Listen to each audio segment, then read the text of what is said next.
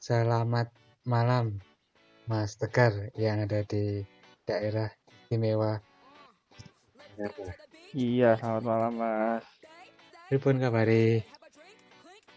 Baik, alhamdulillah saya saya. Ini Mas Tegar, aku tuh nah, pengen tahu karena jenengan katanya lagi bikin unit pelayanan disabilitas, kan nggak?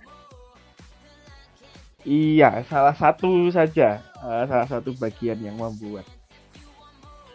Lah, untuk unit pelayanan disabilitas itu maksudnya apa sih tujuannya gimana sih?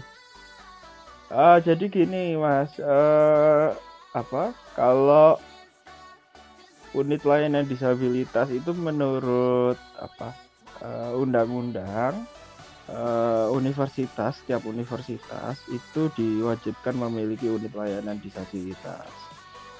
Nah, uh, tugas dari unit layanan disabilitas itu adalah melakukan uh, fungsi layanan terhadap mahasiswa disabilitas dan juga uh, melakukan koordinasi dan juga evaluasi layanan terhadap mahasiswa disabilitas di sebuah universitas. Kira-kira gitu, Mas. Oh, jadi itu suatu kewajiban di hampir semuanya universitas yang ada di Jogja harus mempunyai unit pelayanan disabilitas gitu, Mas Tegar ya? Iya, kalau menurut uh, peraturan uh, setiap universitas di Indonesia itu memang uh, harus memiliki unit layanan disabilitas. Oh, itu berarti bukan khusus di daerah istimewa Yogyakarta ya, tapi malah di seluruh Indonesia oh, bukan. ya? bukan. Jadi itu aturan ini berlaku nasional karena ini undang-undang yang dibuat oleh pemerintah pusat. Oh, yang ini Undang-Undang Nomor 8 2016 itu bukan? Persis persis betul oh lah pelaku atau di dalam unit pelayanan disabilitas itu orang-orang kalau kita nyebutnya itu orang awas atau ya sama disabilitas? Uh, sifatnya inklusif harusnya ya mas. Jadi ada apa kalau saya mengatakan ada difabel dan ada non difabelnya jadi memang itu kolaborasi gitu. Dan uh, itu kan sebetulnya sebuah badan di sebuah universitas itu nah uh, biasanya sih kalau dari praktek yang sudah ada itu ya uh, ada disabilitas ada non disabilitas itu oh, okay. yang memang bertugas untuk itu gitu.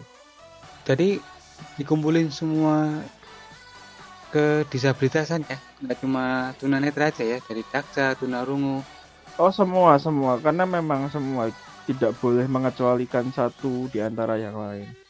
Dan itu kan fungsi layanan gitu ya. Jadi harus dipahami itu berbeda juga dengan organisasi atau komunitas karena itu fungsinya adalah fungsi layanan termasuk evaluasi dan mengkoordinasi program begitu.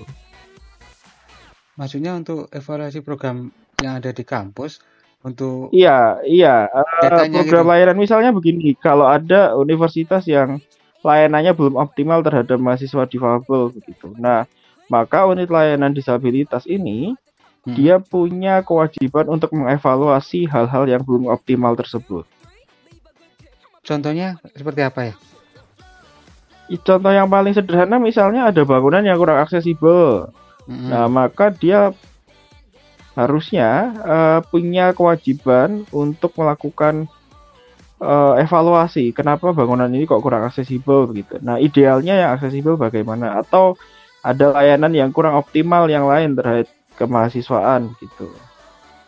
Uh, misal uh, ada materi pembelajaran di perkuliahan yang kurang aksesibel, maka tugas dari uh, unit layanan disabilitas ini kemudian mengevaluasi dan juga menyediakan layanan yang uh, dirasa kurang tersebut.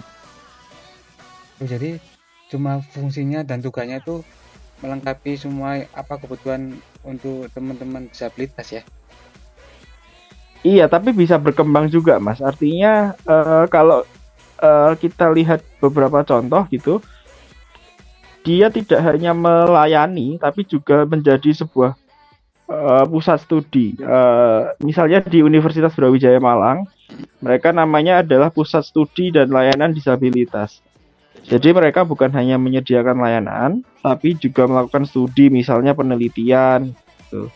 Uh, penelitian terkait disabilitas dan kemudian dipublikasikan. Kira-kira gitu, Mas.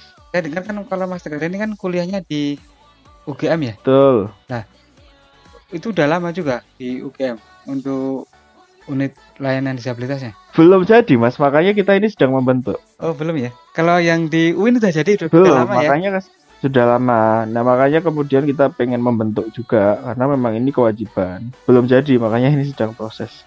Jadi bisa dikatakan untuk pelayanan sebagai dengan disabilitas netra untuk akses -hmm. eh, seperti guide-guide-nya belum guide guide blog itu belum ada ya di UGM ya. Kalau yang seperti itu ada mas, tapi kan uh, kita bicara disabilitas itu kompleks sekali ya. Hmm. Kita tidak hanya bicara soal aksesibilitas fisik gitu, yang sifatnya guiding block, RAM kalau misalnya untuk pengguna kursi roda atau papan teks itu untuk teman-teman yang tuli. Tapi kita harus juga bicara soal kebijakan, bagaimana universitas itu seharusnya juga punya kebijakan yang berpihak kepada teman-teman difabel. Nah, uh, salah satu upaya uh, atau salah satu wujud merealisasikan kebijakan yang berpihak itu yang membuat unit layanan disabilitas. Jadi uh, skopnya lebih makro, mas. Bukan hanya soal aksesibilitas fisik yang seperti guiding block, pendamping, bukan. Tapi uh, apa? Uh, lebih makro seperti kebijakan di level universitas terhadap teman-teman disabilitas bagaimana kira-kira gitu. Oh jadi kalau yang belum ada nih unit pelayanan disabilitas, jadi kebijakan pun juga hmm. belum ada gitu, maksudnya Mas Tegar?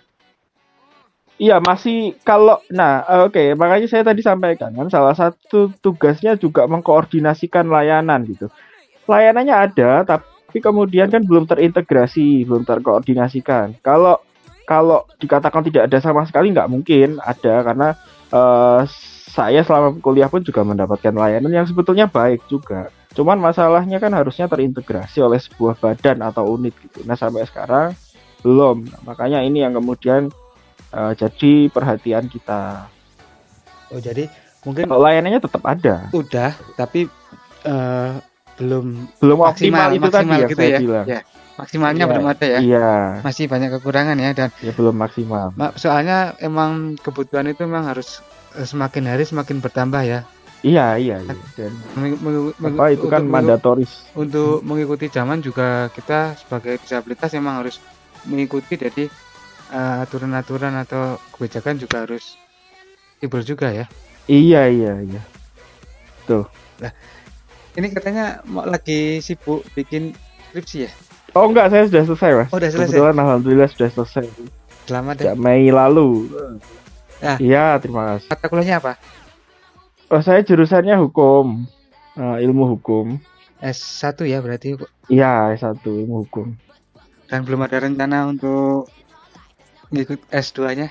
Segar? Insya Allah, uh, rencananya tahun depan, insya Allah uh, mau ambil apa studi lanjut lagi master uh, semoga sih tidak ada perubahan rencana karena corona ini ya karena uh, apa uh, corona ini kan sangat berdampak di segala sektor ya termasuk kemudian uh, pembiayaan beasiswa juga itu kan teman-teman uh, yang kebetulan diterima tahun ini belum bisa berangkat untuk studi juga. Nah, semoga sih tahun depan uh, beasiswanya tetap tersedia. Jadi saya bisa langsung melanjutkan master. Dan sekarang saya mau menyiapkan itu dulu. Nah nih pesan-pesan nih buat uh, teman-teman nih atau biar menginspirasi biar teman-teman semangat untuk bisa mengikuti cak mas tegar apa nih aduh apa ya mas? Yang yang jelas begini uh, ketika teman-teman itu punya sebuah apa uh, mimpi uh, saya ingin mengatakan kerja keras saja itu tidak cukup. Uh, karena kita harus mengejar itu dengan passion gitu dengan sesuatu yang memang kita memang senang untuk melakukannya. Kalau kita senang melakukan itu, maka dampaknya saya yakin akan positif. Dan satu hal ketika kita punya mimpi give energy for your dream gitu. Jadi kasih energi yang banyak ke mimpi itu maka kemudian uh, dampak positif itu akan terlihat. Kira-kira gitulah. Uh, di sosial media apa pun saya bisa dicari nama saya Tio Tegar Wicaksono. Monggo lah dihubungi. Eh, semoga untuk uh, lancar Mas Tegar ya. Amin